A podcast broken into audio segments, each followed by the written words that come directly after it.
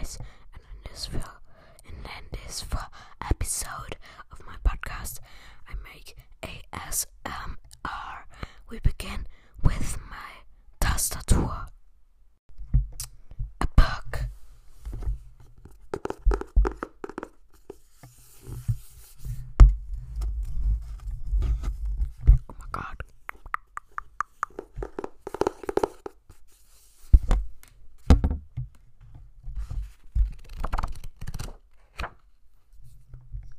so satisfying.